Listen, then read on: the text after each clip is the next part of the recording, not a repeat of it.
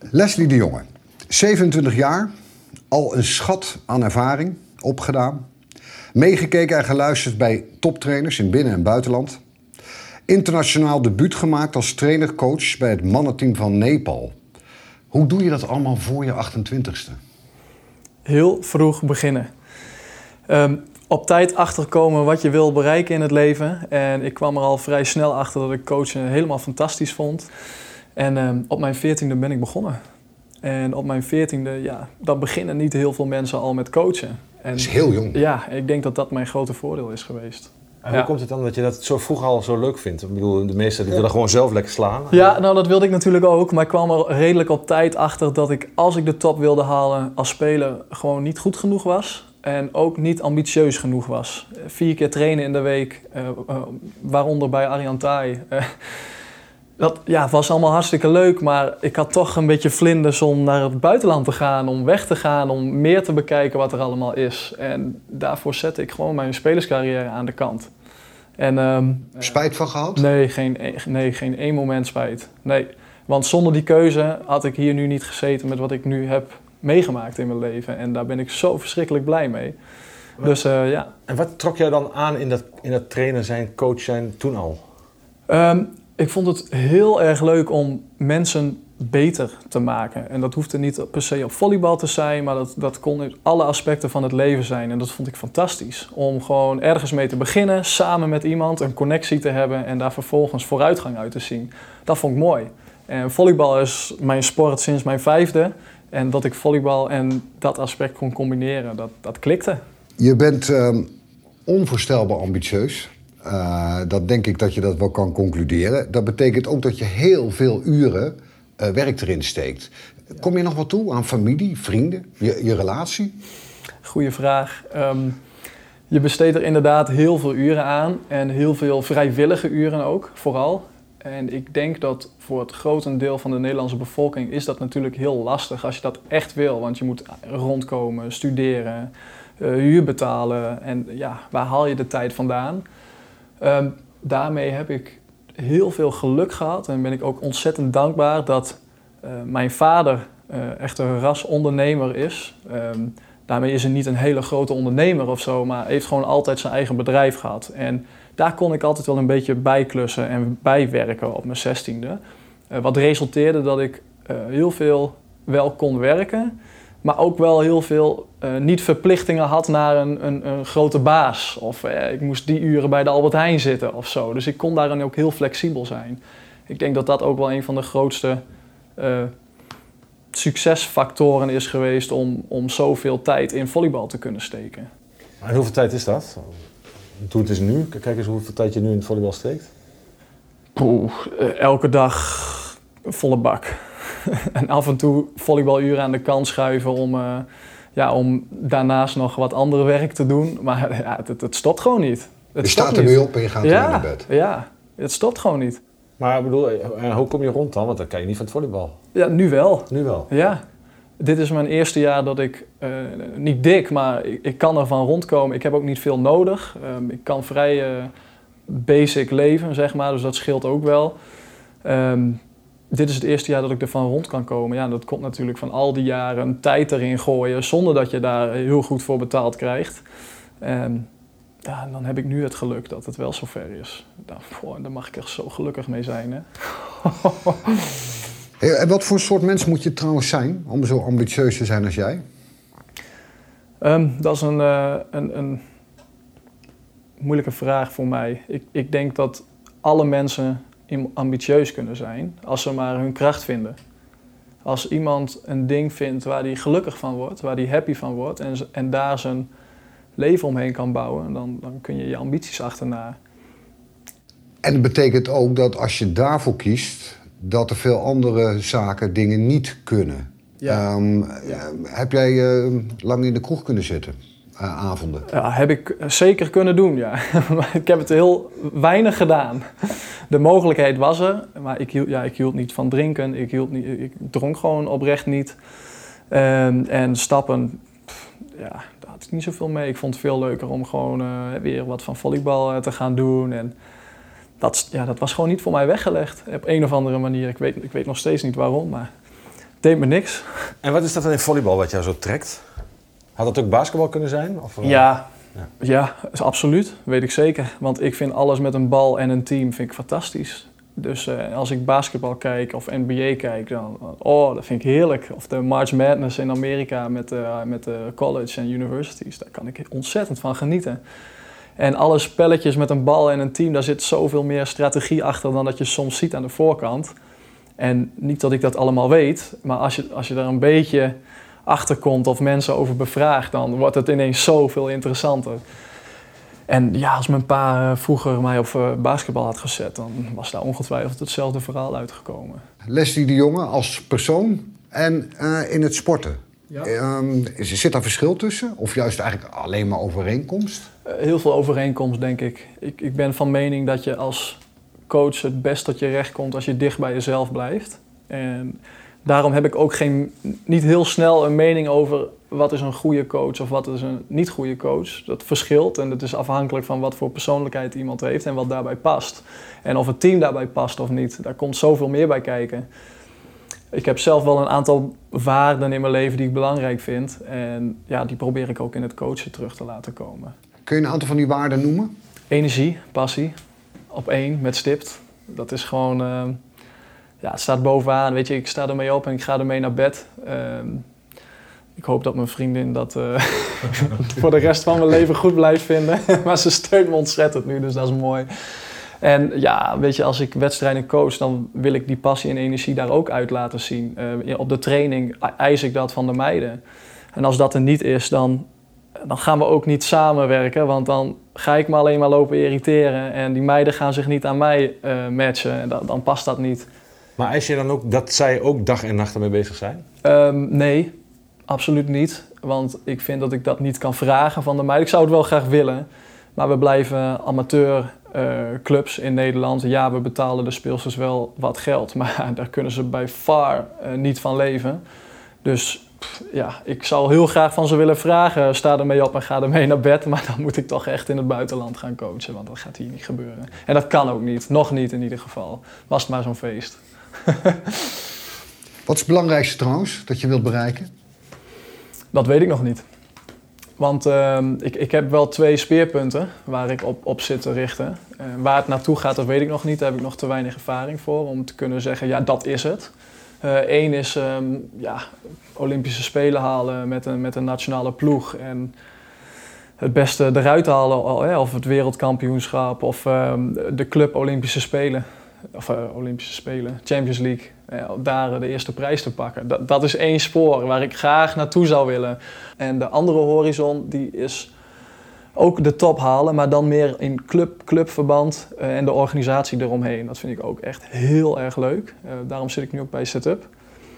Een team is een team, maar een club is zoveel meer. En dat geeft zoveel meer perspectief en zoveel meer energie. En zoveel meer dingen waar ik energie van krijg om mee bezig te zijn. En het- bouwen aan een club en een team en om dat één geheel te maken, dat, dat vind ik net zo leuk. Welke van de twee het wordt, of allebei, We komen zo nog verder te praten ook over het verenigingsleven, het clubleven. Eh, daar komen we zo nog op terug. Je krijgt zo vijf stellingen. En eh, je moet ja of nee antwoorden. En dan mag je ehm, op één vraag mag je zelf gaan terugkomen daarna. Oké.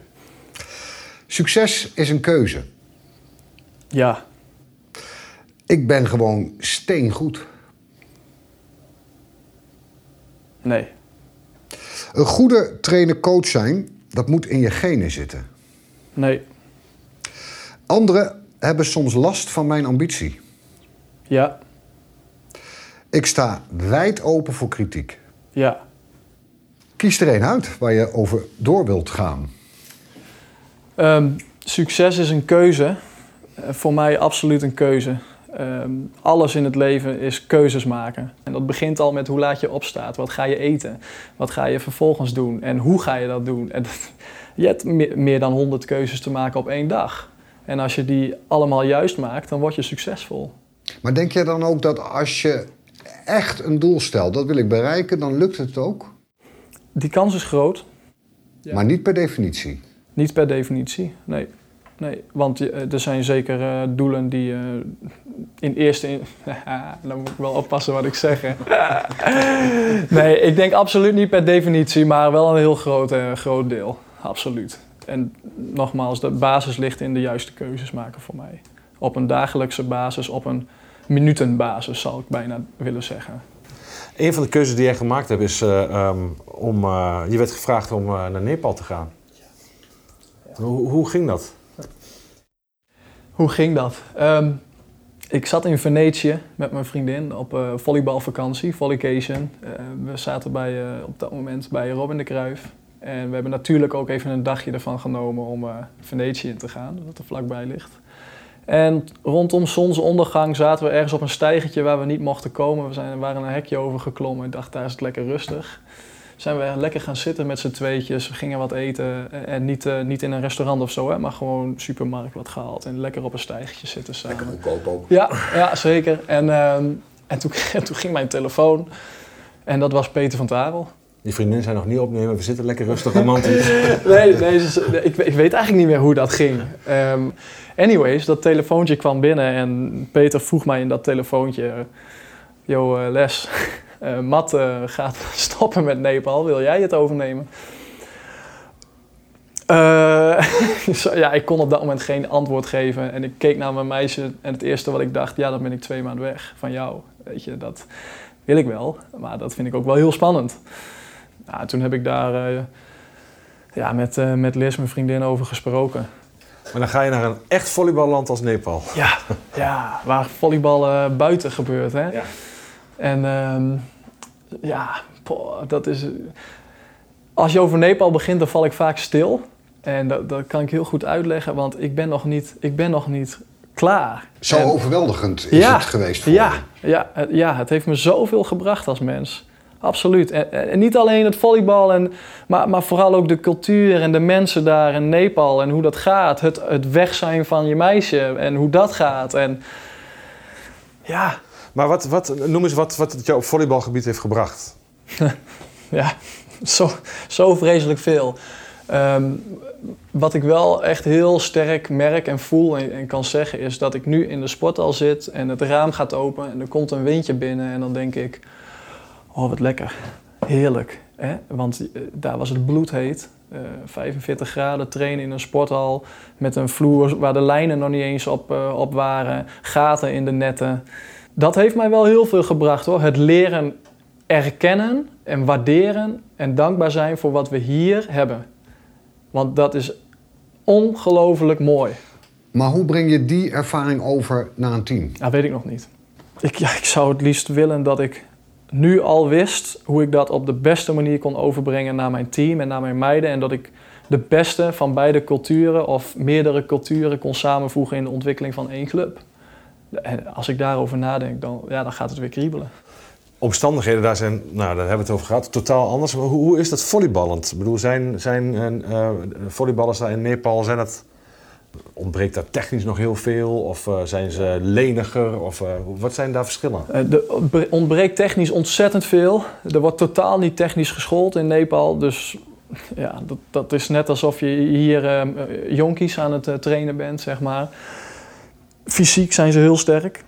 Ze springen 94 centimeter. ehm, de, ho- de 94 en 97 centimeter, de twee jongens die het hoogste sprongen. En gemiddeld zaten ze rond de 80 centimeter. Nou ja, weet je. En, en, dan doen ze nog amper fysieke training. Dus weet je, dan moet je voorstellen, wat, dat is zo gaaf. En ze zijn allemaal droog en afgetraind. En, en ja, ze eten ook alleen maar rijst en daal en, en groenten. En verder eten ze niks. Dan zouden we wel een paar van een Nederlandse competitie kunnen halen dan, of niet? Ja hoor. Ja? Ja, Is het qua niveau, zit dat erin? Ja. ja? ja, absoluut. Echt wel. Die jongens zouden prima meekomen in de Eredivisie. Als jij eh, nieuw binnenkomt hè, bij, een, bij een club, je gaat nieuw werken ehm, en je gaat werken met een nieuw team. Wat doe je als eerste? Heel praktisch. Kun je dat, kun je dat beschrijven? Ja, voor mij is als het belangrijkste om een gevoel te krijgen met de mensen. Wat zijn het voor mensen? Heb je daar een klik mee? Ja, en die klik die heb je heel snel of niet. En hoe doe je dat? Praten. Gewoon kletsen. Ja. En dan of met het hele team? maakt me niks uit. Eh, ah, ik heb het nu nog niet eens over het team. Gewoon over de, de, de clubmensen, zeg maar. En eh, ja, daar wil ik mee praten, daar wil ik een gevoel bij krijgen. Ik wil ervaren hoe dat is. Als ik de kantine, kantine binnenloop, wat voor gevoel krijg ik dan? Ik hou ervan dat setup nog lang niet professioneel genoeg is, ehm, maar wel een, een club met ontzettend veel jeugdleden, waar heel veel gebeurt, waar heel veel van vrijwilligers nog wordt gevraagd in de vereniging. Waarvan dames 1 eigenlijk wordt verwacht dat ze ook wat binnen de vereniging doen, omdat er anders een beetje looked upon uh, is, weet je wel. En dat trekt mij, dat vind ik mooi. En dat is wat jij bedoelt met een echte club? Ja, ja, ja, absoluut. En als jij met een team begint te werken, hoe doe je dat dan? Ja, vooral veel vragen stellen. Ervaren wat er leeft, wat er heerst, wat vinden mensen en wat hebben ze nodig. En, en vanuit daaruit beginnen met werken. Ga eerst, ga eerst matchen. Dus samenkomen en op één lijn komen met elkaar. En vanaf daaruit langzaam met kleine stapjes verder bouwen. Want als je in één keer baf erop gaat, dan ja, dat gaat niet goed. Ben jij iemand van regels? Van uh, luister, ik, uh, ik ben, uh, ik, dit zijn mijn regels. Ik vind op een training dan ben je op tijd. Ik noem maar wat. Hoor. Nee, totaal niet. Totaal niet. Sterker nog, regels worden gemaakt door het team, niet door mij. Meestal wel. Tot op het bord? Meestal wel, ja. Um, ja, soms als trainer moet je even het laatste stapje zetten. En uh, weet je, da daar heeft een team dan soms ook behoefte aan. Ja, daar zat ik al even ondertussen over na te denken. Um, nou, heel simpel voorbeeld. We hebben uh, afgelopen twee weken geleden een toernooi gehad in, in Assen. Waar we ook overnachten als team. Ja, en daar zijn we gewoon, dat, de overnachting was geregeld, barbecue was geregeld, was bij Sudoza, was allemaal top geregeld. En um, toen kwam een paar dagen voor het toernooi kwam, kwam de, de vraag, ja, maar um, ik wil eigenlijk wel graag uh, thuis slapen. Het is een uurtje rijden, valt mee, dan slaap ik beter, kan ik beter presteren voor het team. Nou ja, en dan krijg je een soort van mix van sommigen die willen het wel, sommigen willen het niet. En dat kan natuurlijk heel snel uitlopen in frictie. Nou ben ik op zich wel een voorstander van frictie als het om serieuze dingen gaat. En dit is voor mij absoluut niet serieus genoeg. En dan ben ik gewoon degene die de klap geeft. Jongens, we zijn daar als team, iedereen blijft slapen, punt. Met welk gedrag uh, kunnen spelers jou boos maken? Hm. Geen verantwoordelijkheid nemen. Dat uh, dingen zeggen uh, wat ze zullen gaan doen en dat vervolgens niet doen. Of maar een klein beetje ervan doen. heel erg op um, op details gaan zitten bij mij die, die, die, die eigenlijk niet zo heel belangrijk zijn. Maar dat kan onzekerheid zijn. Ja, dat kan. Maar je vraagt hoe krijg je mij boos of geïrriteerd. Ja, dat, als ik uit mijn energie ga, dan. Uh, ik ben heel erg van de energie en de passie en, en, en gaan met die banaan en onderweg wel leren. Fouten maken is oké. Okay. En als je bij mij heel erg gaat zitten op de regeltjes en de details en de analyses, ja, dan, uh, dat geeft frictie. En dan zeg ik niet dat dat fout is, maar dat past niet bij mij. Weet je, dus... Daar heb je last van. Ja, daar heb ik last van. En daar hebben we een heel simpel voorbeeldje in de vorige teamweekend die we hebben gehad met de groep. Um, hadden we een heel simpele opdracht. Uh, dat met de kickbike, één meisje op een kickbike en het andere meisje moest hardlopen naar een bepaalde locatie toe. En ze mochten alleen wisselen met elkaar. En wie het eerst daar was, uh, kreeg een bepaalde prijs. En wie het laatste was, kreeg een bepaalde opdracht. Het was een soort van race. En nou, uh, ik ben dan wel heel erg van de, van de creativiteit, daar hou ik van. Uh, maar de meiden hebben de creativiteit iets te serieus genomen en zijn gewoon gaan liften. Hop, kickbike in een busje en ga met die banaan. Ja, dan krijg je mij van binnen ontzettend woedend. Schelden? Uh, ja, daar word ik heel boos op, ja. Denk je dat ze het de volgende keer nog een keer doen? Um, een goede vraag. We gaan komend weekend op teamweekend, dus uh, we gaan het zien. ik denk dat ze er wel uh, wat meer bij, uh, bij nadenken. Ja. Hoe ben je dan in een, laat ik eens beginnen met een training. Hè? Ik bedoel, als, als een speelster niet diezelfde passie en energie geeft in zo'n training en jij, jij, dat stoort jou, ja. hoe, hoe ben je dan? Word je dan ook boos? Wat, wat eis je van ze? Dat, dat is zo verschillend. Het ligt helemaal aan het moment, het ligt aan welk meisje het is. Het blijven vrouwen, dus je moet altijd precies in de gaten hebben wanneer je wel en niet iets kan zeggen. Je hebt ervaring opgedaan thuis. ja. En, en um, ja, dus dat hangt zo van het moment af. De ene moment kun je even extra gas geven. En de andere moment moet je heel voorzichtig zijn. En de andere moment moet je het even via iemand anders spelen. Omdat het dan ook, weet je, wel goed gaat. En uh, ja, dat is het, dat is het spelletje absoluut het spelletje. Kun jij heel concreet beschrijven het, het verschil tussen een, een goede en een slechte training? Ligt aan de doelstelling van de training. Dus als je doel gehaald is, dan heb je, is er sprake van een goede training. Eh, Je kan wel discussiëren over of de doel goed is of niet goed. Want inderdaad, als je doel gehaald is, dan is de training goed. Maar of de doel goed is, of het doel goed is, dat is dan de discussie. Dus maar net waar je hem neerlegt. Hoe meet je dat? Je kan meten op gevoel en je kan meten op cijfers. En ik probeer beide, eh, beide mee te nemen. Er zijn zoveel trainers en coaches actief in, in het volleybal. Wat, wat zou jouw belangrijkste advies voor hen zijn? Blijf leren. Weet je, en het is nooit het is nooit het een of het ander. Het is nooit goed of fout. Er, is, er zijn altijd meerdere perspectieven in verhalen, in dingen doen, in dingen uitvoeren. En het kan altijd linksom en rechtsom en uh, op dezelfde pad eindigen. Um, maar blijf vooral openstaan voor feedback en openstaan voor nieuwe dingen. En accepteer dat het nooit 100% perfect is. En accepteer dat het nooit 100% fout is. Uh, goed is. Ja. Maar is dat iets wat jij jezelf aangeleerd hebt? Of heb je daar ook... Uh, nee, niet mezelf. Dat heb ik gewoon geleerd. Boeken lezen, lezingen, uh, luisteren, andere mensen daarover horen praten. En vervolgens uh, elke keer zelf proberen te doen. Elke keer weer. Maar, ja, want je bent natuurlijk bij, je hebt bij allerlei clubs en bij speelsters ja. gekeken en zo. Kijk, ik heb nu Turkije, Italië, topclubs gezien. Dat doet heel veel met je, maar ik zou ook heel erg graag in de topclubs van bijvoorbeeld basketbal of handbal willen meelopen. In een totaal andere discipline of in een individuele sport. Laat me maar een keer met uh, Kiki Bettens en, en haar trainer meelopen of zo. Weet je, om juist uit die andere disciplines zoveel meer te leren valt. Bij deze is de uitnodiging verstuurd. Ja, ja, ja, inderdaad. Goeie. Nodig hey. me uit, jongens. Ik kom graag. nog, even, nog even over, want we hebben het nu over het trainen. Uh, um, je zei van, daar, ze kunnen jou, speelsters kunnen jou daar wel in raken. Hoe is het als coach tijdens een wedstrijd? Ben jij, hoe aanwezig ben je? Ja, een goede vraag. Kun je denk ik het beste aan mijn speelsters vragen. Maar goed, die zijn hier natuurlijk niet. Het hangt heel erg van de wedstrijd af. Ik ben in de voorbereiding vaak niet heel erg aanwezig. Dan ben ik, probeer ik heel veel te kijken en vooral mezelf uit mijn eigen comfortzone te zetten. Um, en, en gewoon andere dingen te kunnen zien en anders iets te kunnen beleven. Wanneer het er gewoon om gaat, dan ben ik volgens mij een ontzettend uh, meelevende uh, coach die, die meejuicht uh, met, met, met zijn speelsters. En dat vind ik ook wel leuk, dat hoort er wel een beetje bij. Maar kun, jij tijdens, kun je tijdens een, een wedstrijd nog veel veranderen aan een team als coach?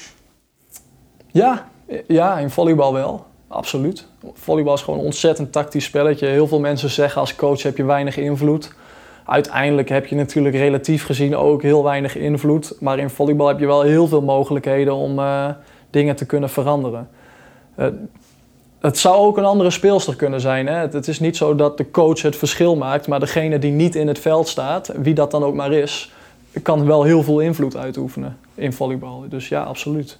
Ja. Zullen we nog eens even vijf stellingen erin gooien? Je mag weer met ja en nee reageren. Nieuwe stellingen? Ja. En dan, um, dan, gaan we er in ieder geval op eentje weer door. Um, wat algemener. Kleine volleybalverenigingen kunnen beter fuseren. Geen idee. Verenigingen moeten meer professionals inhuren in plaats van slecht betaalde vrijwilligers. Ja. Ik ben zeer optimistisch over de toekomst van het volleybal in Nederland. Ja. Duurde wel lang, maar goed. Uh, plezier in het volleybal is net zo belangrijk als de prestatie. Ja. Er is te weinig aandacht voor jong volleybaltalent. Ja. Je, uh, je zei bij, ik ben zeer optimistisch over de toekomst van het volleybal in Nederland. Uh, viel er een lange stilte? Ja, ja dat klopt. Omdat ik denk dat er zoveel kan gebeuren om het, om het goed te houden. De twijfel komt omdat ik niet zeker weet of het hoe snel het gaat gebeuren en of het wel op de goede manier gaat gebeuren. En dat is niet een verwijt, dat is gewoon simpel niet weten. Maar wat is het belangrijkste, denk je, dat er zou moeten gebeuren? Uh, meer ruimte geven aan, um, en dan kun je het woord talent invullen, maar ik zou gewoon zeggen jonge volleyballers. Dus meer kansen bieden aan jonge volleyballers. Hoe? Betere trainers op de jonge jeugd. Dus um, echt, uh, hoe zeg je dat? Um, opgeleide trainers op jonge jeugd zetten. Die professionals, ja, waar we het net ja, over precies. En vooral ook niet te vroeg selecteren. Want talent, pff, weet je, eh, op, op, op, op 12-jarige leeftijd kan een jongetje eh 1,80 meter 80 zijn. En, het, en een jongetje dat, dat eh, weet je, net zo oud is, die kan 1,60 meter 60 zijn, maar uiteindelijk nog wel eh, langer worden dan die jongen van 1,80.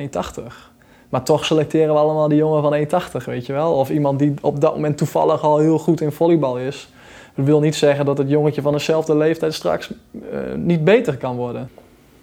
Wat is je ambitie voor dit jaar eigenlijk?